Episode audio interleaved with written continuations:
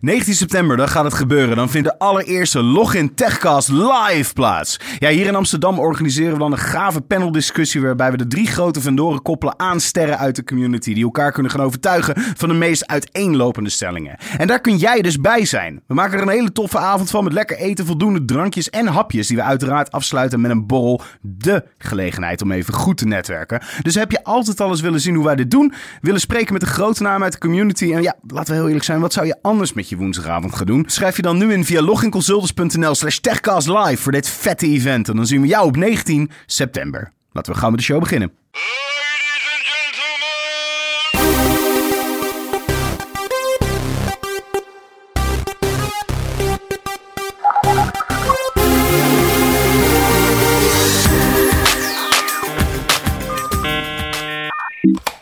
Hallo en welkom bij de Login Techcast, de podcast van Login Consultants. Dit is alweer de vijfde extra aflevering waar we het vandaag gaan hebben over de VDI Design Guide. Mijn naam is Sander Noordijk en zoals altijd zit ik tegenover Erik van Klaveren, mijn vaste co-host. Erik, hoe heb jij deze week doorgebracht? Ik heb deze week een boek gelezen. Een boek Het- gelezen. Het was heel anders dan ik had verwacht. Niets wat Disney. Echt helemaal niet. Ik wi- wist ook niet wie de hoofdkarakter was in dit boek. Hè? dus er waren weinig draken en al die dingen. Ja, nou ja, maar heel eerlijk zijn, ik heb hem niet echt gelezen. Ik heb, eh, ik heb hem laten voorlezen Ja, door eh, Microsoft Anna, wat later ineens Zero werd. Ik weet niet waarom. Ja, ik heb Microsoft David, dus dat is dan weer het verschil. Zeg maar, We hebben allebei, zeg maar, eh, het boek waar we het nu over zo meteen gaan hebben, hebben wij in een audiovorm geluisterd. Maar het is er nog niet in audiovorm, dus we hebben gewoon de middelen die we hebben het laten voorlezen aan ons, Juist, alsof we kleine juist. kinderen zijn. Vanwege de beperking of tijd. Ja, zeer zeker. Zeer zeker. Vanwege beperking op tijd, ja, precies. Nee, want daar gaan we het allemaal over hebben, want we zitten aan tafel met een vriend van de show, Johan van Amersfoort. Johan, hoe is het met jou? Ja, te gek man. Goede, goedemiddag en eh, te gek dat ik weer bij mag zijn. Ja, en eh, voor, maar stel je nou voor dat mensen je niet in de alle 400 keren hiervoor hebben gehoord. Kun je nog even kort voorstellen wie je bent? er 400, heb je het echt geteld? In mijn hoofd zijn het er 400. Ja, 401. Ja, Ja. Veel. Nee, ja veel. Nee, ja, Johan van Amersfoort. Ik ben eh, architect, IOC-architect, werkend voor ehm ITQ Consultants in WKC. En ehm, afgelopen jaar eh, bijzonder hard werkend geweest aan een, eh, aan een boek. Mhm. Hey, eh, Wijk aan Zee riep je. hè? Nemen Ja. jullie dan 's middags ook nog wel eens een duik? Weinig. Bij- weinig. Dat zou je Ja. moeten doen met Ja. deze temperaturen. Nee, het, het- Ik denk dat het alleen maar erger wordt, want je moet dan daarna ook weer terug. Ja, dat is het. We zien uh, overdag. We zitten aan de enige uh, route richting het strand. Dus Mhm. we zien de hele dag strandgasten richting het strand gaan. En uh, uh, daarna ook de file vanaf het strand terug richting uh, tunnel. Oké, helder, helder. Klinkt echt als de droom. Ja, het is fantastisch. Het klinkt als zeg maar op zondag een boommal bezoeken. Precies, dat is het. Het is precies dat. Ja. Maar dan strand en vrouwen in bikinis. En, ja. Dat is- dat- Dat is oké. Geen wonder dat die temperaturen zo oplopen in dat gebouw. Ja. Ja. zeker. Nou ja, voordat we in de materie gaan duiken over dat boek dat jij geschreven hebt, hebben we natuurlijk een korte inquisitie, jou wel bekend. Vijf vragen waarbij we zo snel mogelijk een antwoord willen op twee keuzes die we je gaan geven. Linked clones of instant clones? Instant clones. vSAN of traditional storage? Aan. 99,5% of 99,9%? 99,5 procent. Propero Workspace of VMware Desktop Manager? VDM. Commodore 64 of ColecoVision? 64. Oeh. Kijk, kijk, dat is jammer. Ja, maar ja, Erik, je moet wel even, even verklaren voor de luisteraars. Jij bent volgens mij de enige persoon in de wereld die echt heel erg fan is van de Coleco Ja, het is iets waar ik mee op ben gegroeid. Mm. Ehm, en wat eh, de Commodore 64, zeg maar, dat was echt de grote tegenhanger van de Atari, wat is het, 8000 of zo, eh, reeks.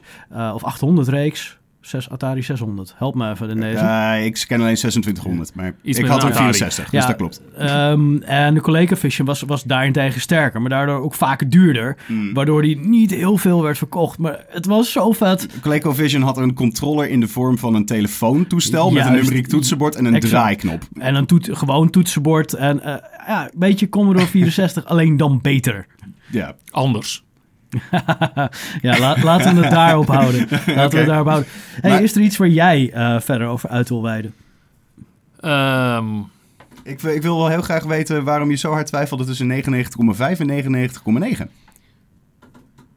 Ja, dat is een hele goede vraag. Ehm 99,5% is een ehm, eh, beschikbaarheid die eigenlijk al... al ehm, Maar hebben we het over beschikbaarheid? ja, het kan natuurlijk ook een alcoholpercentage zijn. Ja, of in hoeverre Ik iets af dat, is. ik denk dat dat een slecht idee is. Ja, Ehm, we zien in Nederland eigenlijk, of eh, ook buiten Nederland, om wel de, ehm, de eis van de klant eh, wat betreft beschikbaarheid omhoog gaan. Eh, je ziet het in de zorg, je ziet het bij overheden.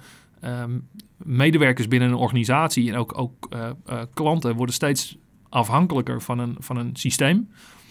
En dat betekent dat, ehm, ehm, ja, dat je daar qua architectuur mee moet. Dus eh, ik, ik zei net wel 99,5 procent. ehm, maar dat betekent dat, eh, dat eh, de infrastructuur voor de klant eigenlijk gewoon steeds goedkoper of, of nog goedkoper is.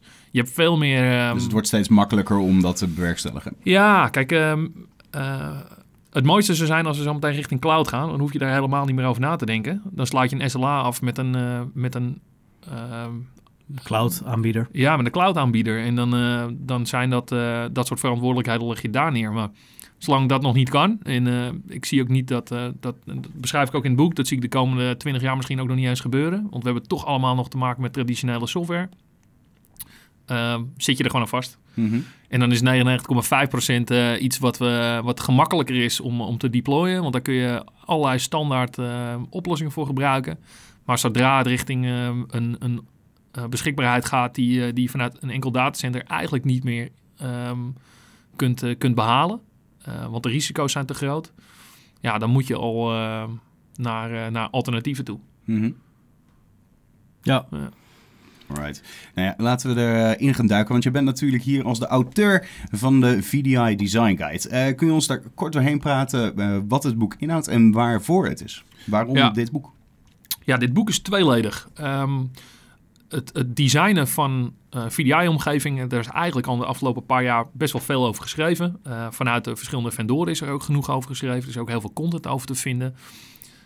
Echter is ehm, die content is wel verspreid. En eh, we zien dat de wereld van VDI nog steeds aan het veranderen is. Windows 10 heeft een, heeft een flinke impact erop gehad. GPU's hebben een impact erop gehad. Maar je ziet ook dat, uh, dat de wens van de klant nog steeds aan het veranderen is. Al die uh, verschillende afhankelijkheden die heb ik um, in de afgelopen jaar onderzocht. En aan de hand van, um, van, van de, de standaarden die een VDI in 2018 misschien wel anders maakte als die in 2014, 2015, heb ik besloten om dat samen te voegen in een boek. Want de 2014, dat is het moment dat jij in aanraking kwam met VDI, of daarvoor heb je ook al nou, wel met VDI? Daarvoor, voor 2014, veel met RDS gewerkt en, mm -hmm. uh, en daarvoor met Terminal Services en daarvoor zelfs nog met WinFrame. Um, dus ik ben wel bekend met server-based computing, uh, maar kwam inderdaad in 2014 voor het eerst in aanraking met VDI. Dus vandaar ook, want je verwoordt ergens dat Windows 7 jouw voorkeur had als, als VDI, dus een beetje rond uh, 2014. Absoluut. Uh, dus je hebt nooit eigenlijk echt XP VDI projecten gedraaid? Nee, nee, okay. nou, ik ben begonnen met Windows 7 en, uh, en uiteindelijk nu veel Windows 10. Ja. Helaas. Maar, ja, dat, is, dat is niet Waarom is dat een helaas? Ja, je merkt dat Windows 10 um, uh, een, een, een, een, flinke impact heeft op resources, op uh, beheer. Um, ik denk inderdaad vooral dat laatste en ook hoe je je gebruikers in ieder geval die persistente ja. ervaring kan laten beleven. Ja, in, bij Windows 7 was de, de licentie, um, onder andere lic licentiestructuur van Microsoft was ook een stuk simpeler. Ik bedoel, je, je nam een Windows 7 versie af en dat uh, was van draaien en, en gaan. Uh, met Windows 10 heb je natuurlijk verschillende smaken. Je hebt de, de long-term uh, mm -hmm. service branches. Uh, waar je een keuze zou kunnen maken. Uh, daarnaast zijn er ook uh, semi-annual versies waar je iets mee zou kunnen. Die brengen ook weer allemaal afhankelijkheden met zich mee. En ook en per versie eigenlijk weer verschillend. Want er komen weer andere Zeker. vragen en andere ja. afhankelijkheden komen eruit. Als je ziet hoe je een, een, een profiel zou moeten, een Windows profiel zou moeten inrichten um, voor de verschillende versies van Windows 10. Ja, dat, dat, dat, dat er zijn wat verschillen. Uh, er, is, er is impact op het, op het maken van een standaard profiel in een non-persistent um, VDI-omgeving. En, en je merkt eigenlijk per versie die, die Microsoft uitbrengt... Um, dat je van vooraf aan eigenlijk weer moet gaan beginnen om zoiets in te richten. En dat, is, um, uh, dat maakt het complexer, met name vanuit beheer. En wordt, wordt dat ook vaak vergeten bij klanten? Dat, ja, zeker. Uh, dat zeg maar, het is niet Windows 10, nee, het is om het half jaar, we krijgen gewoon een nieuwe Windows-versie. Volledig nieuwe Windows-versie ja. waar je de vroege ja, jaren over exact. deed. Ja. Waar je in het verleden een XML'tje kon gebruiken, is het nu ineens totaal anders. Nou, waar, waar ik me over verbaasd heb, is uh, in het afgelopen jaar heb ik om het boek uh, wat meer vorm te geven, uh, of wat meer richting te geven aan de hand van de, wat de, de lezer graag zou willen zien, heb ik een aantal polls op het, op het Twitter-account van VDI Design Guide gezet. En een van die polls was met betrekking tot de vraag, heb je het bouwen van een base image uh, geautomatiseerd, gedeeltelijk geautomatiseerd of helemaal niet geautomatiseerd. En daar bleek dat uh, minder dan 25% van alle uh, mensen die beantwoord hebben, hebben volledig, dat proces volledig geautomatiseerd. En de rest ja, gedeeltelijk of helemaal niet. Wat ik daarin, waar ik me over verbaas, is dat met, met um, de hoeveelheid updates van applicaties die. Um, uh, die je tegenwoordig uh, voor je kiezen krijgt. En uh, ook dus de updates van Windows 10. dat, dat, dat, dat het bouwproces, dat, ja, dat, dat bestaat nog niet bij, bij Cloud. Nee, het zit er niet diep ingeworteld. Iets, iets, ik denk dat, um, ik, ik maak het al mee vanuit, denk ik, 2010... dat ik echt wilde automatiseren en het makkelijker wilde maken. Um, Maar als je dat vergelijkt met het bouwproces van een uh, fysieke desktop. Als jij een Mhm. mm -hmm. organisatie hebt waar je 5000 desktops moet gaan, uit, uh, um, gaan uitrollen, ga je dat toch ook niet handmatig doen? Mm -hmm. Nee, maar uh, ik kom ook uit de SBC, Ja. SBC en VDI-wereld. sowieso bij SBC heb je een shared omgeving waarbij je verschillende servers opbouwt en die wil je consistent hebben voor iedere keer dat een gebruiker inlogt. Daarnaast, uh, als jij een update krijgt op je VDI-omgeving, dus we gaan van SBC naar VDI, Mhm. dan wil je ook uh, dat de ervaring daarna hetzelfde blijft. En niet ineens dat iets heel simpels, een icoon, uh, een totaal andere kleur krijgt. Of op een totaal andere locatie wordt aangeboden, omdat er een update is geweest. Ja, dat klopt. En, en die consistente werkervaring, dus een, een, persistente werkervaring eigenlijk voor een eindgebruiker, is daarbij Ja. het allerbelangrijkste. En je, en je ziet dat Microsoft het niet gemakkelijk maakt uh, met het uitbrengen van die, van, die, van die versies van Windows 10 en ook je updates van je software. Uh, ja, die maken dat niet makkelijk voor je. Dus daar, daar moet je je beheersproces omheen gaan. Uh, Zo, UEM was ook een, een, een goed onderdeel uh, in je boek. Tenminste, Absoluut. ik vond hem goed vertegenwoordigd. Ik vond het vooral ook uh, goed beschreven, omdat als je nog geen UEM gebruikt, stop dan met lezen, sla dit boek dicht en sla je zelf ermee Nee, als je roaming Nee, dat ging over Ja, voor roaming roaming profiles, profiles is ja. dat, ja. Daar ga UEM gebruiken. Ja. Ja, Daar heb ik erg van genoten. ja, ja, je had ook UEV daarin. uh, in, in Ja, ja zeker. Er zijn, er zijn meerdere smaken in. Ehm, wat ik ehm, eh, herhaaldelijk van reviewers in de afgelopen paar maanden gehoord heb, is eh, je schrijft eh, voornamelijk over VMware-producten. Hoe komt dat? Nou, het boek is geschreven om een VMware Horizon Enterprise eh, suite volledig te kunnen ontwerpen. Ja. Uh, dus alle producten die ik noem in het boek zijn inderdaad VMware-producten. Maar Je een hebt, je hebt een face-on enkele is... ui- uitstap heb je ook naar Liquidware en naar Zeker. NVIDIA-producten. Ja, maar, maar daar kan je ik- gewoon niet onderuit. Nee, dan zoek ik wel specifieke functionaliteit op die VMware niet kan bieden. Mhm. Dus voor het, het maken van een, een desktop en een application assessment, daar heb je eh, geen VMware software voor. En ehm, voor monitoring van eh, je services kun je dat prima met vRealize Operations doen. Maar zodra je over user experience monitoring gaat eh, praten, is dat geen geschikte oplossing. En, Nee, en moet je gaan heb je Stratosphere UX. eh, bijvoorbeeld of, of Mhm. Goliath Technologies ehm, eh, Performance Monitor is, is Ja. eenzelfde eh, login VSI, suite. Wordt genoemd. PI. Wordt genoemd. VSI wordt genoemd, PI wordt genoemd. Ja, absoluut. Oh, dat was nog wel mooi. Hè? Dat, dat, dat was iets wat me opviel met, met eh, elk product. Daar ging je, dook je ook even de geschiedenis in. Ja, Ik had het idee dat je dat van UEM een beetje achter, achterwege liet. Ehm, nou, is niet bewust geweest. Ik krijg Ja. hem wel van de week als feedback terug. Ehm, maar is, eh, ja, is geen bewuste keuze geweest. Ik, ik, ik, ik ga je sterk vertellen, ik denk dat ik met eh, Flex Pro of eh, Flex, ehm, eh, Flex Profiles sinds 2006 aan het werk ben geweest. Eh, Flex daarvoor Kit. Of eerst met Ja. een kit. Ja. Ehm, en later met Flex Profiles als product vanuit. Imedio. Eh, Flex Plus kwam daarna. Dus ik, ik heb wel een, een lange geschiedenis met het product. Maar We- weet je ook hoe het ontstaan is? ja, ik weet dat Jeroen van der Kamp eh, ehm, daar aan de voet heeft gestaan. Mhm. Eh, maar ik weet niet, ehm, eh, ik ken de 100% exacte geschiedenis niet. Nou, ik, ik ken hem ook niet 100%, maar in de wandelgangen gaat dat eh, hij met de Orca-kit, dus de, de Microsoft Ja. Office, eh, dat hij ineens dacht van, hé, hey, maar werkt dit ook op andere pakketten? En dat die andere MSI'tjes daarmee ging openen en dacht, hé, hey, maar als we dit nou verbouwen tot iets anders, dan kunnen we hybride of zero profiles, eh, kunnen we daarmee creëren. En zo schijnt dit ontstaan te zijn. Dus Microsoft Ehm, er liggen nog wat royalties voor jullie eh, hier op straat. Dat is gewoon weer een tip die je gratis Ja. opvangt in de Login Techcast. en maar we zijn nu al lekker de diepte in aan het duiken. Ehm, voor, voor wie is dit, eh, is dit boek? Kan ik Ja, het, als is- ik geen enkele ervaring met VDI heb, kan ik, is dit dan een goed punt om te beginnen? Nou, jullie vroegen net wat het doel was van het schrijven van het boek. En Mhm. ik gaf aan dat die tweeledig was. Eén was dus eigenlijk gewoon praten over architectuur. Dus hij is dus ook voor de, de consultant, voor de architect, voor eh, misschien- een IT-manager die gaat nadenken over, over VDI. Eh, maar gaat ook over, ehm, of hij is ook bedoeld, en dat is de tweede, ehm, ehm, ehm, de tweede doelgroep. En mijn tweede doel is om consultants aan de VMware Certified Design Expert certificering te helpen. Ehm, en dat betekent dat je een gecertificeerd architect bent volgens de VMware standaarden. Dat is dat hele heftige eh, traject, toch? Wat je de Ja. vorige keer over gesproken Ja, hebt. ja, dus het VSDX-traject. En daarbij ehm, is er eigenlijk ehm, eh, te weinig documentatie beschikbaar. Of te weinig guiding, eh, guidance is op beschikbaar. end-user computing vlak. Op dat vlak, Ja, ja. ja. oké, ja voor datacenterstuk, voor netwerkvirtualisatiestuk is er al heel veel over geschreven. Is er heel veel te vinden. Eh, maar vanuit het desktop en mobility stuk eigenlijk nog niet heel veel. En ehm, mijn, mijn persoonlijke doel is om binnen nu in een aantal jaar eh, toch een aantal VSDX erbij te hebben. Eh, ik heb hem in 2016 gedaan, was ik nummer 14 en we zitten tegenwoordig op eh 16 stuks, twee jaar later. Eh, dus het is nog veel te weinig. In Nederland of bij ITQ? global. Nee, global. Wauw. Op end-user computing vlak. Ja. Oké. Ja.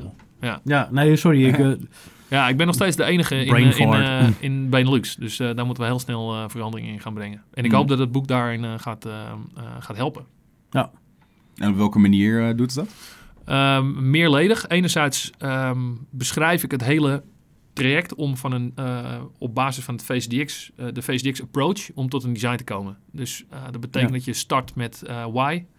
Ehm, en uiteindelijk alle faceringen binnen zo'n design. Dus het requirements workshops, je goals bepalen. dus jij zegt, eigenlijk moet je het boek van Simon Sineker ook lezen voordat je... Eigenlijk wel, ja, eigenlijk wel. Eh, Simon is, eh, is, is eh, een van de inspiraties geweest om, om het eerste hoofdstuk dedicated over die vraag Ja. te gaan wijden. En met de hulp van Brian Gamage van VMware, die is, is Chief Marketing Technologist, die heeft me geholpen met, een, met het stuk business case, wat, daar, wat eraan vast zit.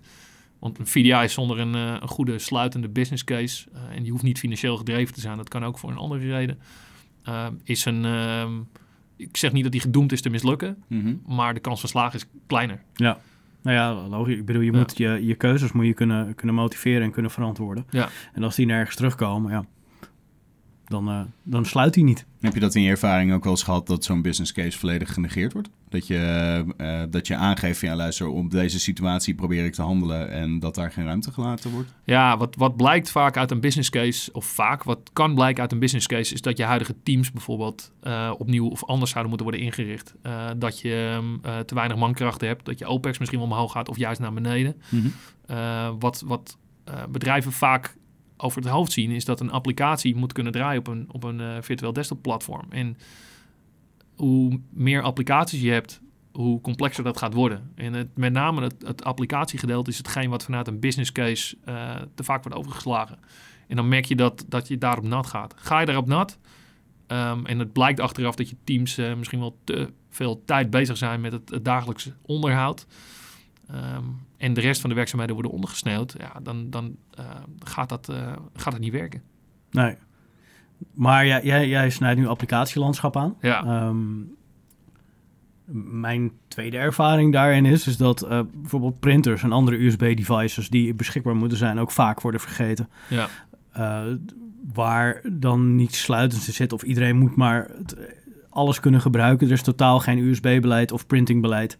Eh heb je daar al eens, eh, ben je daar wel eens tegen aangelopen? Ja. Ja, het grappige is dat ehm, eh, als, je, als je kijkt hoe ehm, SBC en, en VDI jaren geleden eh, zijn ontstaan, eh, was, het, was het idee van, joh, we willen een, een naadloze user experience hebben. We willen eigenlijk de gebruiker het gevoel geven dat hij niet op een, op een remote omgeving aan het werken is, maar eigenlijk Ja. gewoon lokaal zijn dingen aan het doen. Ja, die, die, die geruchten, die, die eh, herinner ik me ook nog wel. Ja, ja, dus we, hebben jarenlang gezien dat, dat, eh, dat Citrix, dat ook VMware, dat, dat Microsoft bezig is geweest om zoveel mogelijk ens- eh, extensibility in die, eh, in die protocollen aan het, eh, aan het bouwen zijn geweest. Ehm, en dat je nu ziet dat vanuit een security perspectief dat een, een steeds groter risico aan het worden is. Ja. Ehm, dus het zoeken van de juiste user experience, maar vooral het scheppen van de juiste verwachting bij de eindgebruiker is daarbij hartstikke belangrijk. Je moet gewoon wel met die eindgebruiker blijven praten. En ook met die business, eh, om ervoor te zorgen dat iedereen weet wat ze kunnen verwachten als je platform zo meteen is opgeleverd. En ik denk dat de verschil in verwachting daarin ook nog wel een, eh, een, een uitdaging is bij veel klanten. Ja, dat, ik, ik denk ook sowieso met, met wie je praat. Ik denk dat het handig is eh, om erachter te komen welke belangen heeft de persoon tegenover mij en ehm, hoe, hoe ga ik die invullen als architect. Ja, Dus eh, de belangen van een IT-manager zullen net iets anders zijn als de belang van een eindgebruiker. Ja, dat klopt. En die, die beschrijf ik ook. Kijk, wat we vaak zien is dat eh, partijen die een, eh, een, een assessment doen van een huidige omgeving, dat die zich focussen op, een, op een, een assessment op basis van software. Dus we gaan alle applicaties in kaart brengen, we gaan alle desktops en, en, en, en, en gebruikers in kaart brengen. En dan hebben we een beeld van de user experience. Ja, dat, is, dat is voor een deel natuurlijk waar, want we kunnen zien bijvoorbeeld wat de login-tijden zijn van de huidige omgeving. Maar praten met die business is minstens zo belangrijk. Ja, absoluut. Uh, met vertegenwoordigers van je business, maar ook uh, weet je, met financiële mensen. Want Je, je wil weten wat die financiële impact is. Nou ja, primair is natuurlijk nooit die VDI-omgeving de business van de klant. Klopt. Dat zal waarschijnlijk, uh, in het voorbeeld van een fietsenmaker, zal dat fietsen repareren zijn. Ja. Banden plakken zal dat zijn. En dat zal niet die VDI-omgeving zijn. Nee, dat is wel een heel extreem niet. voorbeeld. Ik kan het zeggen, al die fietsenmakers met die enorme VDI-farms. Ja. Ja, dat, dat, dat zal denk ik zijn inderdaad. Ja, precies. Maar IT moet altijd ondersteunend zijn en het Absoluut. is nooit de core business, Nee. wat heel veel IT'ers wel eens vergeten. Nou ja, dat is denk ik waarbij uh, wij al eens vaker hebben geroepen... is bring your own dan niet het falen van IT omdat wij zo hebben gepusht uh, om achter die dichtgetimmerde dinosaurus te blijven zitten, die TL-bak aan licht, uh, dat mensen uiteindelijk zelf maar devices zijn gaan meenemen. Heeft dat niet schaduw-IT in de hand geholpen? Mm. Maar sluit VDI daar dan op aan? Of kan dat, kan dat zeg maar, die, uh, die, die strijd met Shadow IT, wat Erik nu aangeeft, en de bring your own wens, kan dat dat tegengaan? Um, dat is een lastige vraag. I know. En, en It depends. Dat, dat zou ik kunnen beantwoorden. Nee, weet je, uh, een van die polls ook die op het account staan is, um, uh, die gaat over de, de, traditionele software of legacy software eigenlijk. Mhm. Mm -hmm. um, hoe groot is de kans dat je binnen nu en, en laten we zeggen tien jaar van je legacy software afkomt? Um, en daarbij heeft volgens mij uit mijn hoofd iets van 80% beantwoord uh, when hell freezes over. Precies, in de woorden van Brian Madden. Madden, uh, ja, dat nooit. doen we ook al Dat 20 gaat jaar. Nooit dat, gebeuren. dat is het. En zolang ja. er bedrijven bestaan die uh, misschien uh, al, al 20 jaar historie van, van bijvoorbeeld uh, bankgegevens of uh, van, van andere gegevens met zich meebrengen, um, zie ik niet in dat die, die migratie naar een, een, een, tradi- of naar een, een, moderne applicatie um, daarin verspoedigt of, of zorgt dat die legacy applicaties helemaal niet meer bestaan. Dat, dat gaat niet gebeuren. Moderne applicaties zie jij... Uh, ik neem niet aan monolithisch, niet... uh, nee, cloud precies. native. Uh, exact, we hebben het niet over de, de, de Windows Universal apps. Nee, nee, nee, zeker niet. Nee, dan praat je toch eerder over, over de, de cloud native platforms. Ja, en, dus niet Windows afhankelijk. Correct. Nou, ja. niet, niet platformafhankelijk of niet OS afhankelijk. En, en device dat, ja. Mooi verwoording. ja, en uh, weet je, authenticatie uh, niet, niet op een, uh, weer op een, op een zelfstandige manier ge, ge, gebouwd of geïsoleerde manier gebouwd. Weet je, je, je, je ziet dat um, de workspace portals um, nemen echt wel een, een vlucht tegenwoordig. Ja. in, in de aflevering met Joris hebben we dat natuurlijk ook kunnen horen. Workspace ONE. En, en er zijn alternatieven natuurlijk ook van Microsoft. Maar uh, zijn de portals niet zeg maar de, de, de stap zeg maar, naar een volledig cloud? Absoluut. Uh, het is een beetje de hybride vorm. Van, joh, we hebben nog on-premises uh, het een en ander staan, maar we hebben ook, willen ook nog graag zeg maar, die migratieslag naar de cloud maken. Uh, dan heb je iets ertussen nodig. En dan zou een portal uh, in dat geval ideaal zijn. Maar eigenlijk wil je er gewoon ook, helemaal van af. Klopt, ja, klopt. Kijk, een portal is fantastisch als je alleen maar mobiele devices tot je beschikking hebt. Of um, uh, andere devices, maar met de voorwaarde dat je alleen nog maar um, uh, moderne applicaties kunt gebruiken. Nou, anders dan startups. In, in ieder geval Nederland uh, zie je dat dat niet voorkomt. Dus uh, maar zelfs bij start-ups heb je al dat mensen zoiets hebben. Joh, ik heb in het verleden heb ik, uh, werkten we met een, uh, met een Office pakket. en we willen, dat hadden we op een, een Windows laptopje staan. Dus dit is wat we gaan doen. Dus daar kom je dat ook tegen. Ook al zou je Word Online kunnen gebruiken, die inmiddels wel redelijke functionaliteit vertoont. Uh, ten opzichte aan uh, de Word Online van, uh, van zes, zes jaar geleden. Wat De meeste start-ups die ik ken, die doen het in Google Docs. Ja, ja, ja, nee, absoluut. Die, die snap ik ook alweer. Mhm. Ik bedoel, die integratie die werkt ook echt heel fijn. En, en daar heb je in principe functionaliteit voor je, je documenten om daar eh, je typewriter, je spreadsheets, eh, je presentaties in te kunnen maken. Mhm. Hey, en je, je spreekt vanuit je eigen ervaring, voornamelijk in Ja. het boek. En je, geeft daar, je hebt daar best wel wat haakjes erin zitten van... Ah, ik kan niet volledig verantwoordelijk gehouden worden hiervoor. Hoe eng is het dan om een eh, stuk te gaan schrijven over sizing... waar je echt gewoon keiharde nummers aan het spugen bent?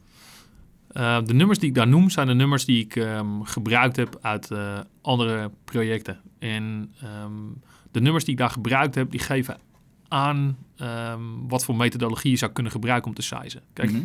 Sizing is altijd afhankelijk van externe factoren. En ehm, Ik vind het ik- altijd het moeilijkste wat er, wat er is. Want Het liefste, als, als ik een voorkeur zou hebben, zou ik het liefst misschien helemaal niet sizen. Weet je, je zou een, een, eh, op basis van een assessment heb je eh goed beeld van wat voor eh, resources je ongeveer nodig zou moeten hebben.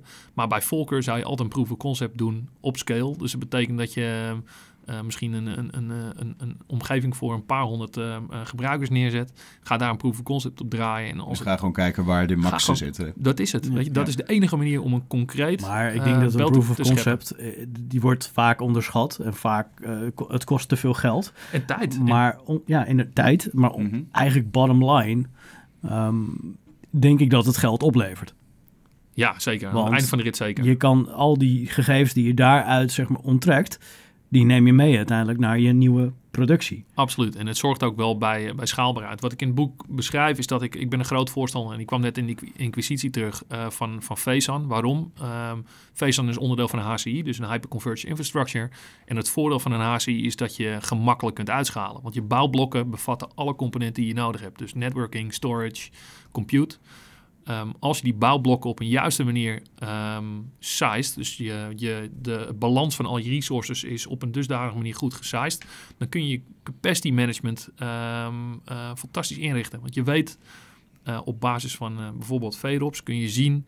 Ik zie dat ik over, eh, eh, eh, nou, la- laten we zeggen, over een half jaar wil ik er 200 gebruikers bijgesized hebben. Voor de luisteraar, VROPS is Realize operations. Operations. Ja. dus dat is En Sander, dank je. Capacity en... en eh, Ik wilde het niet zeggen. Sorry, is- ga verder met je verhaal. Nou, dus het, een, een, een, het eh, operations en capacity management eh, oplossing van, van VMware, wat je krijgt bij Horizon Enterprise. En wat je, als je die, die, die, dus die bouwblokken goed in elkaar hebt gezaaid, dan kun je vrij gemakkelijk per momentum zien. dus zeg, ik, ik moet over twee maanden er een paar honderd gebruikers bij hebben. Hoeveel nodig moet ik dan opschalen? Ja. Dat is fijn. Dat is een nadeel van traditionele storage. Eh, en dat is dus ook een nadeel als je ehm, niet zo'n proof of concept kunt draaien. Want je, je, hoe dan ook, je gaat een inbalans krijgen in een vorm van resources. Of het nou GPU's zijn, of het zijn eh, je CPU's, of het is wat anders. Dat maakt niet uit. Het is van tevoren gewoon heel lastig inschatten hoe het platform eruit komt te zien. Ja, nou ja, die snap Je riep trouwens wel iets heel erg grappigs in je, in je boek over eh, CPU en HT-technology. Dat het eh 20% eh, de, dat je zeg maar je overhead was. Terwijl ik ook in het verleden heb meegemaakt dat eh, velen zeggen... oh, eh, dus het, eh, zetten we dat aan en hebben we dubbel aantal cores. Ehm 20% dat was iets waar, we, waar ik echt letterlijk acht jaar geleden mee rekende. Is dat niet wat weinig met nieuwe technologie? Want Nou, inmiddels ik, beschrijf in het boek dat die 20 tot 40 procent ongeveer is. Uh, maar uh, als kanttekening daarnaast dat het 100 procent afhangt van het type CPU wat je gebruikt. Dus als je kijkt naar die Gold uh, CPU's van Intel, die, die de, de, laatste generatie, uh, daar zou de impact zelfs nog groter kunnen zijn. Dus dan zou je misschien wel 50 tot 60 of misschien Ja. wel 70 procent aan, Dat, dat aan lijkt extra mij ook met hebben. de nieuwe, nieuwe type uh, processoren die er nu zijn. Ja, kijk, in die scheduling um, technologie die in die hypervisor zit, die zorgt echt wel goed voor het goed verdelen van de resources. Uh, die zorgt voor de minste overhead beschikbaar. Echter um, is de afhankelijkheid van of, of jij uh, multi- of single-threaded applicaties gebruikt en, en hoeveel kloksnelheid die er nodig hebben, die kunnen ook daar weer impact op hebben. Vandaar eigenlijk um, vind ik dat je, dat je HT, dus hyperthreading, niet als volledige core kunt meerekenen. Nee, maar dat, je, dat, je daar ben ik het mee eens hoor, dat dat zo is. Alleen ik vond je, uh, en in mijn hoofd was het 20% meer, zo 20 tot 40. Um, dat vond ik wat weinig. En dat was iets waar ik uh, acht jaar geleden zeg maar mee rekende. Van ja, dat is ongeveer 20 tot 40% uh, meer capaciteit die je hebt. En dat is niet de volledige core die je mee kan rekenen.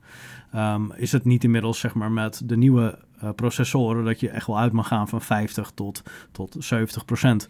aan extra capaciteit. Ja, dat, dat is een mogelijkheid. Ehm, en en die, die cijfers zien we ook wel terug. Maar eh, er zijn ook echt wel eh, omgevingen momenteel met, met die nieuwe CPU's... die niet diezelfde ehm, eh, bonus laten zien. En dat, dat komt bijvoorbeeld door single-threaded applicaties. Ja, precies. Mhm. Maar de, de meeste applicaties zijn denk ik nog steeds single-threaded.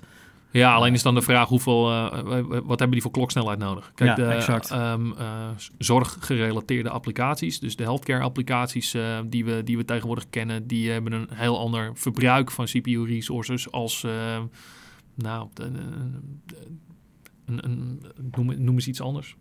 Een Adobe Reader. Eh, bijvoorbeeld.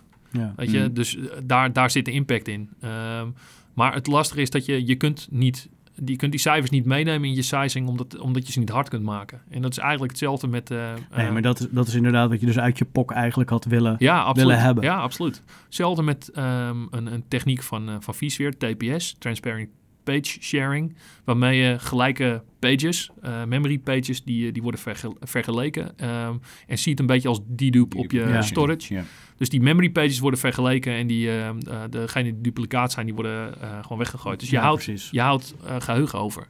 Echter kun je, ehm, eh, kun je de, de impact van TPS van tevoren niet bepalen. Dus het, het kan prima zijn dat je, dat je misschien 40% aan eh, geheugen bespaart als je het aanzet. Ja, het kan ook zijn dat dat niet het geval is. Dus dan, daarmee is ook gewoon weer zo'n proof of concept veel slimmer om, om te gaan draaien van tevoren. Ja, en, maar daarnaast denk ik überhaupt met dit soort eh, technieken en het resource gebruik dat je best een gevaar hebt als je op dat moment gaat overcommitten, omdat je denkt dat je dit ter beschikking hebt. Helemaal met geheugen. Volgens mij beschrijf je het ook ergens in je boek. Je overcommit je geheugen gewoon niet.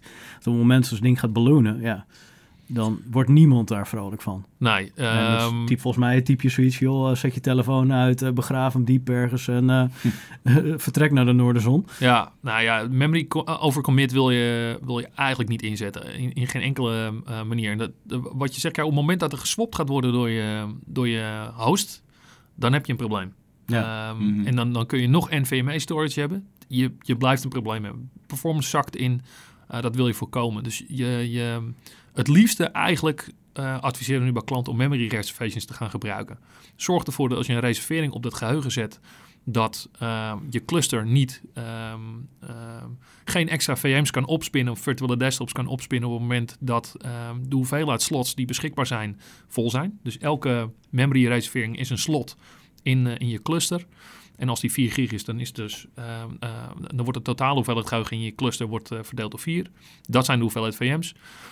Eh, het voordeel van het zetten van een reservering is dat je geen swap-files meer aanmaakt op je, op je storage. Dus je, ehm, je storage wordt daarbij ook ehm, Minder belast. minder belast. Er is gewoon, eh, je hebt meer ruimte daarop eh, op vrij. En gezien het feit dat je toch niet wil gaan, gaan overcommitten, ja, waarom niet die reservering aanzetten? Heeft is een beetje zoals Nvidia dat ook doet met een frame buffer. Absoluut. Ja, Ja. ja. Oké. Ja, maar dat is enige verschil dat je een frame bu- buffer niet kunt overcommitten. Nee, exact. en, en RAM zou je dat nog wel kunnen doen. Ja.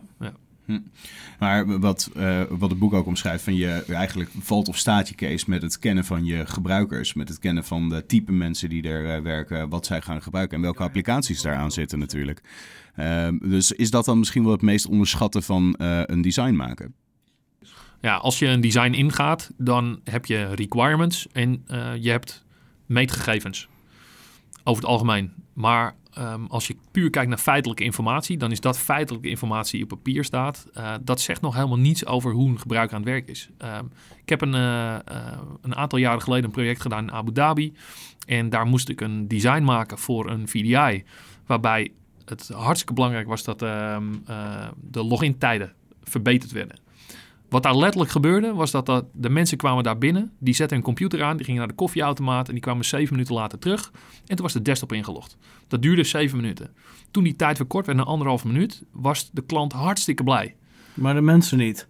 Want ze konden geen koffie meer halen. Nou ja, dat, dat, dat is wel gedeeltelijk user experience natuurlijk. Ja. Maar goed, die mensen die kwamen, die kwamen aan... en, en het, het feit dat inloggen dan anderhalve minuut duurt... en, en dat eh, voor de klant fantastisch is... eh, zegt nog helemaal niets over wat die gebruiker nou eigenlijk wil. En eh, dat is, ik denk dat dat ook misschien wel de brug is naar wat, wat, je, wat je vraagt. Kijk, user experience is gedeeltelijk meetbaar door eh, gegevens... maar het, het blijft nog steeds een kwestie zijn van uitvragen van die eindgebruiker. Dat Mhm. denk ik wel. Ik vind Voorafgaand, Ja. tijdens en misschien ook wel ehm, na het traject. Uh, maar ook blijf nog steeds met die gebruiker praten. Een van de dingen die ik beschrijf in het boek is ook dat je eigenlijk wil je om de drie maanden je eindgebruikers een survey sturen eh, met de vraag hoe gaat het nu?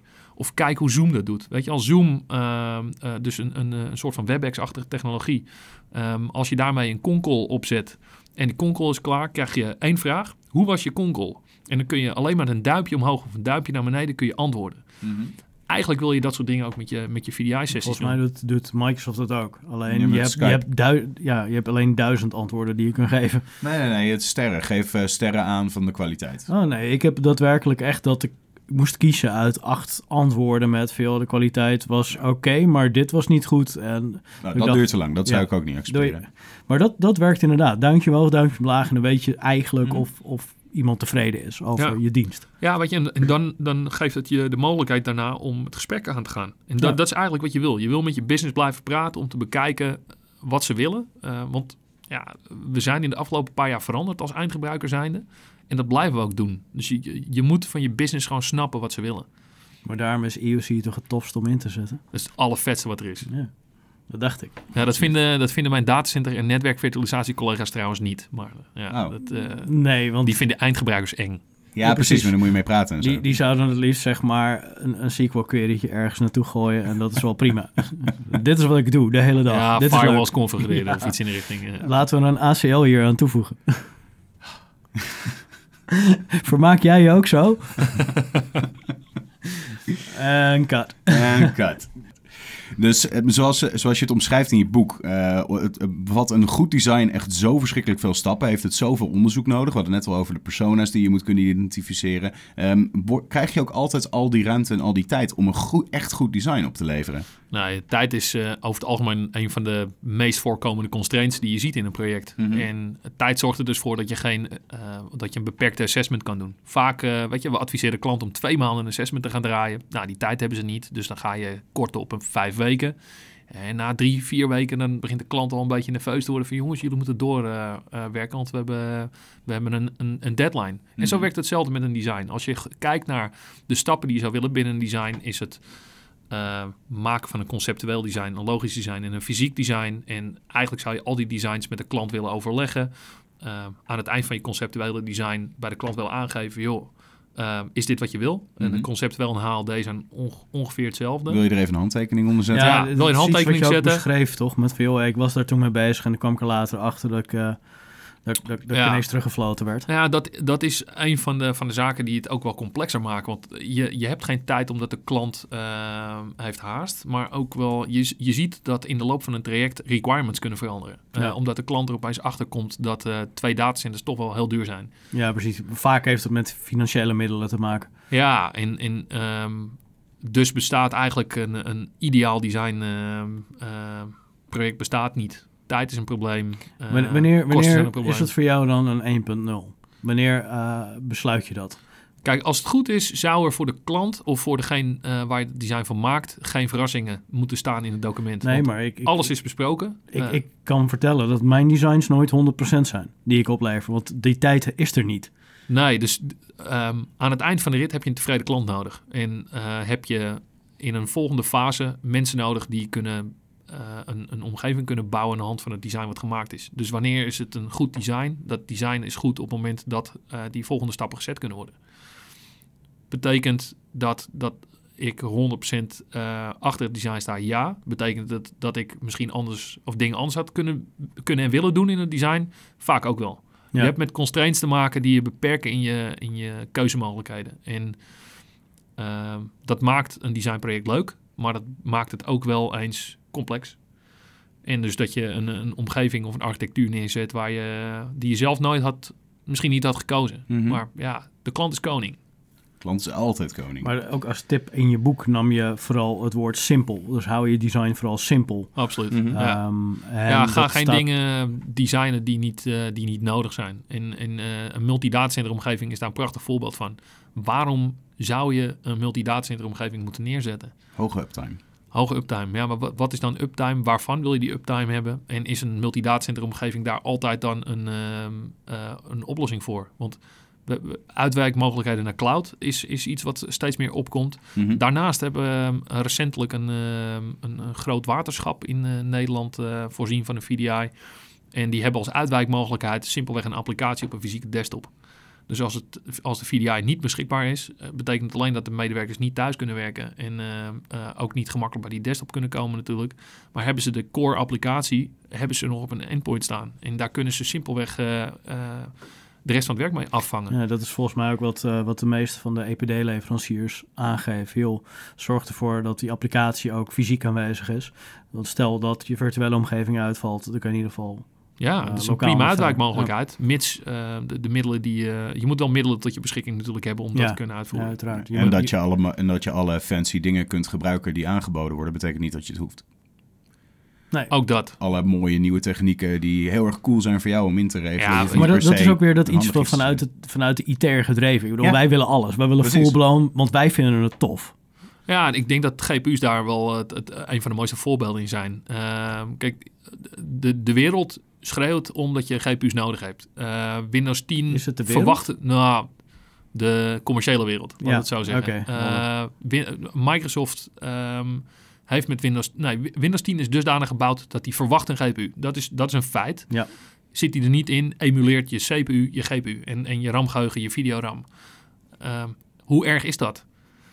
Ja, dat heeft ook weer, en hebben we hebben we natuurlijk net al aangeraakt, het heeft gewoon It met... depends. Het Ja. depends, ja, maar het heeft met verwachtingen te maken. Als die eindgebruiker geen ja, smooth ehm, eh, weergave van eh, 60 frames per seconde verwacht op een 4K-scherm, Mhm. ja, moet je dan iets met GPU's doen? Ja, ik denk het niet. Kijk, ehm, de, de vraag die we nu klanten stellen is bij ehm, op het moment dat ze, dat ze iets met GPU's zouden willen doen, zou je die eindgebruiker in een fysieke desktop, deze type eindgebruiker, deze use case, zou je die ook een GPU geven in een fysieke desktop? Ja. Als het antwoord daarop ja is, dan kun je niet zonder. Dan ga je GPU's ook meenemen in je, in je, in je VDI-omgeving.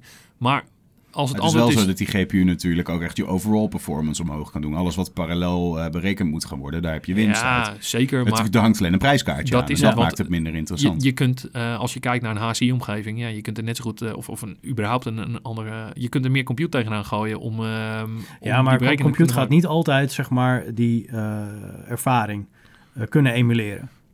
Nee, Ehm, nee. Want ehm, hoe je het ook bent of keert, hoe sterk die CPU en memory, eh, hoeveel er ook beschikbaar is, eh, je gaat niet in alle gevallen gaat, ga je dezelfde ervaring krijgen. Nou, dat klopt. En die impact die je van CPU's ten opzichte van bijvoorbeeld het encoderen van je, van je streams of het eh, eh, weergave van frames, dat soort dingen, die beschrijf ik ook in het boek. Ik heb veel onderzoek gedaan eh, met verschillende protocollen, eh, met ehm, GPU's en zonder GPU's, Mhm. om eens te zien wat de impact is op schaling. En op, eh, op, op user experience in zijn algemeenheid. En dan zie je natuurlijk dat, dat eh, GPU's wel, wel degelijk een meerwaarde hebben. Weet je, vergelijken, jullie zijn gamers. Mhm. Vergelijk het met, en eh, ik noem hem ook als anekdote, dat je vroeger voor het eerst Quake of, of Duke Nukem of, of Doom speelde met een GPU erbij. Dat, weet je, als je dat doet, dan wil je daar natuurlijk niet meer terug. Als Nee. je ziet wat, wat die, die API's, wat die, ehm, eh, eh, die, ook, ja, die toen, het Glide wat toen in, in, eh, ehm, in Quake zat en, en ehm, nu het, het offloaden van Direct 3D en eh, DirectX eh, richting een, een GPU, wat dat voor meerwaarde kan hebben. Ja, is- die impact die is groot. Had jij een voodoo kaart? Ik ga je sterk vertellen, ik had een, eh ik had een Voodoo 1 en Voodoo 2. Kijk. Ehm, en ik had de een... eh, Benji gehad. Wat zeg je? Nooit de Benji gehad, wat een Nee, goedkoop af, nee. aftreksel was van de Voodoo 2. Nee, en ik had een Riva TNT 2. Pams. Ja. Juist, die heb ik ook nog. Ja, ja. Een, eh, een Diamond Viper 550. Ja, En, eh, Sterker nog, ik heb hem nog. Ja, ik zag het bij jou op Twitter staan. Dat is, eh, Super dat is dope. cool. Oké, voordat, voordat we echt te ver afdalen in hoe vaak ik Forsaken heb gespeeld en hoe Ja. ik daarvan onder de indruk was, wil ik één afrondend iets weten. En dat zijn eigenlijk stiekem twee vragen. Wat was het moeilijkste onderdeel om te schrijven? En heb je ook nog iets opgestoken waarvan je dacht, oh hé, hey, ik dacht eigenlijk dat het anders in elkaar zat? Zeg NSX, zeg NSX. Oh jee, ja, dat is een lastige vraag. Nou, eh, wat opsteken betreft is eh, de GPU-sectie is volgens mij wel een, eh, een grafische acceleratie. Zijn algemeenheid is denk ik wel eh, hetgeen geweest waar ik het meest uit heb geleerd. Ehm, ik deel veel met grafische acceleratie, maar om dan ehm, jezelf ook nog te gaan verdiepen in hoe eigenlijk dan eh, compressie en encoderen en decoderen werkt vanuit echt wel een deep dive stuk. Eh, wat, wat de voordelen zijn van de verschillende schedulers die eh, een, eh, best wel een tough cookie. ja, dus Ja. En, en dat kun je ook wel zien in hoeveel pagina's. Volgens mij heb ik iets van eh 50 tot 60 pagina's alleen maar over grafische acceleratie geschreven. Dus dat was wel eh, eentje waar ik, waar ik veel uit heb geleerd. ik denk dat jij dat ook wel eh, voor afgelopen jaar daar een hoop over hebt meegekregen. Oh, zeker. Ja, Ja. ja. nee, eh, absoluut. En het hielp natuurlijk dat ik eh, met jou rondhang en dat ik naar beurzen ben geweest. Maar dat ik, eh, ik heb me er wel echt in moeten verdiepen. Het was voor mij Ja. een hele nieuwe wereld die nu eigenlijk best wel logisch klinkt. Ja. Ehm, of ik het nu al overal ingezet zie worden in de meeste nee, oh, maar waar dat, ik dat is volgens kom, mij dat ook nog wat, niet. wat, wat in het boek staat. over, ja. Ja. En ik denk dat ehm, als, je, als je kijkt naar, degene, eh, naar het hoofdstuk wat het lastigste is geweest, eh, is dat toch wel eh, het operating systems gedeelte. Ehm, ik heb ervaringen, eh, Mhm. maar er zijn ook andere mensen met andere ervaringen. Ja. En, en om al die ervaringen samen te brengen en daar een stuk over te schrijven. Maar je wat- schrijft geen boek om iedereen te vriend te houden, toch? Je schrijft een boek om je ervaringen te delen met anderen. En die kunnen anders zijn. Dat, dat klopt. En het, het, het eh, weet je, disclaimer op het begin van het boek beschrijft ook echt wel heel duidelijk, ik heb het net over gehad, dat het zijn mijn ervaringen Juist. en resultaten uit mijn projecten. Maar ik wil mensen niet op een verkeerd been zetten. En ehm, de, de lezer moet er ook echt wel wat van opsteken. Die snap ik, maar is het ook niet aan de lezer? Of mag je ook niet verwachten van de lezer dat ze nog zelf kunnen nadenken en eh, wellicht hun eigen ervaring hier Ja, in proberen te plotten? Het, het mooie is dat eh, op de aller, aller, allerlaatste pagina staat ehm, eh, een conclusie van het boek. En Mhm. daarin heb ik aangegeven dat ehm, eh, al die ervaringen die in dit boek staan, zijn er een hoop. Maar er zijn nog veel meer requirements, veel meer andere ehm, ehm, eh, eh, zaken die impact kunnen hebben op een design die ik niet heb beschreven. En die zou ik heel graag willen weten. En, ehm, Ja. Ja, ik, ik heb nu al zin eigenlijk in, eh, in, eh, in misschien wat schrijven van, eh, van het vervolg met, met die ervaringen erbij. Laat maar. Het schrijversvirus Ja. heb je te pakken. Juist. Nou, het is wel het, het schrijven van. Eh, eh, of het, eh, ja, het, het schrijven van zo'n ding is wel. Het, het, is een, het is een bevalling. Nou ja, ik mag natuurlijk niet als man zeggen dat het een Ja. bevalling is. Maar, ehm, maar het is wel. Het, het, ehm, sommige momenten moet je jezelf en, en de mensen om je heen. die moeten je er wel voor doorheen slepen. Eh, het is niet altijd een heel makkelijk proces geweest. Maar het resultaat is wel iets waar ik super trots op ben. En ehm, ja, dan ben ik eh, eigenlijk gewoon eh, misschien al, ja, wat ik zeg, ik heb eigenlijk gewoon weer zin in, in het vervolg. En er, zijn- er zijn alweer plannen over, dus eh, Is je vrouw het daar ook mee eens? ja, het schrijven van een boek heeft, heeft een eh, medium wife acceptance factor, een WAF. Ehm, maar mijn vrouw heeft ook hobby's. En, eh, die houdt van hobby's. En die, eh, Houd van op. Nee, dus we, ja, nee, we hebben, ehm, weet je, je hebt allebei toch ook wel een beetje je eigen ding en je, Mhm. ehm, eh, en dat is goed. Dus eh, ik heb zoveel mogelijk, ehm, wanneer ik tijd aan mijn, aan mijn privéleven moest besteden, heb ik dat ook gedaan. En eh, als ik tijd kan steken in, eh, in het schrijven van een boek of, of dan, eh, ja, Ik denk ook wel belangrijk dat je die balans weet te vinden. het is echt wel, eh, In ja, alles, denk ik. Niet Ja. alleen als je een boek schrijft. Ja, nee, maar dat Hm? is een algemeen ding. Nee, het was jullie, of een van jullie col- collega podcast, ehm, ehm, eh, ja, Hosts? hosts. Ja, ja de, eh, Piet Fletcher van de, de Virtually Speaking podcast. Die heeft afgelopen week of twee weken geleden eh, Duncan Epping en Frank Denneman in de uitzending gehad. Die, die hebben ook net een boek geschreven eh, wat binnenkort uitkomt. Ehm, en daarin werd de vraag gesteld van, joh, wat, wat heeft dit nou voor impact op je, op je privéleven? En wat zie je nou dat... eh, ehm, weet je, hoe kun je die commitment vinden? En, en de antwoord erop was van, ja, we zien zo, we horen zo va- vaak mensen die weer een boek gaan schrijven. En misschien één op de twintig maakt het ook daadwerkelijk af. Hm. En dat laat denk ik wel zien wat voor complex traject het is. Dat geloof ik ook. Ja. Ja. Alright, voor iedereen die nu helemaal enthousiast is geworden, wanneer kunnen we de VDI Design Guide lezen? Begin augustus ergens. En begin is, eh, is een, een lastig begrip. En dat eh, komt dat ik nog afhankelijk ben van een aantal eh, ehm, Externe factoren. externe factoren. Heel goed. Speelt Ja. het weer mee?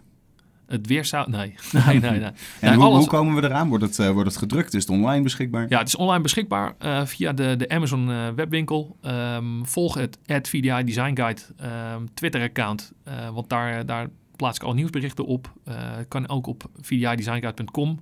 En ehm, ja, verwacht daar binnen enkele dagen wel een, een bericht over, over de exacte release datum. Mhm. En, en eh, links naar webshops en dat soort dingen.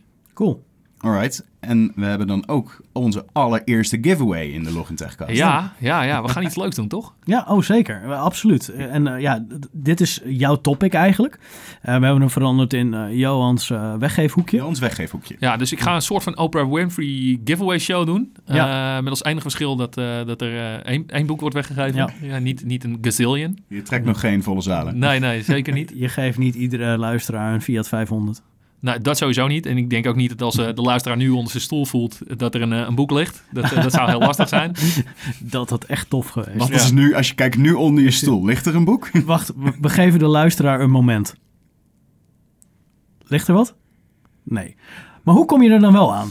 Ja, ehm, ik ga een prijsvraag, of we hebben een prijsvraag bedacht. Eh, we gaan een boek weggeven voor degene die het antwoord gaat geven wat het dichtst bij komt eh, bij deze vraag. En de vraag is, hoeveel woorden staan er in het VDI Design Guide?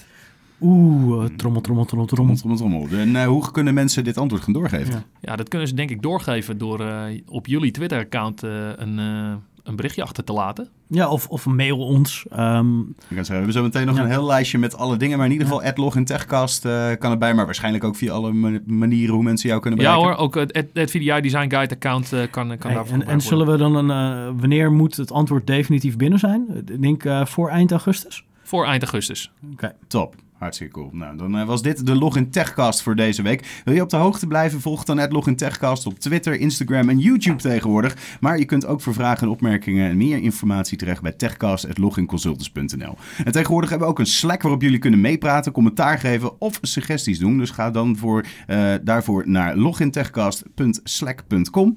En ja, verder kun je mij vinden op LinkedIn, Twitter, Tumblr tegenwoordig en Instagram onder Sander Noordijk. En Erik, Ja, ik kon niet achterblijven. Ik, eh, we hebben het idee eh, daadwerkelijk eigenlijk echt gejat. gestolen. gestolen van eh, de heer eh, Brian Madden.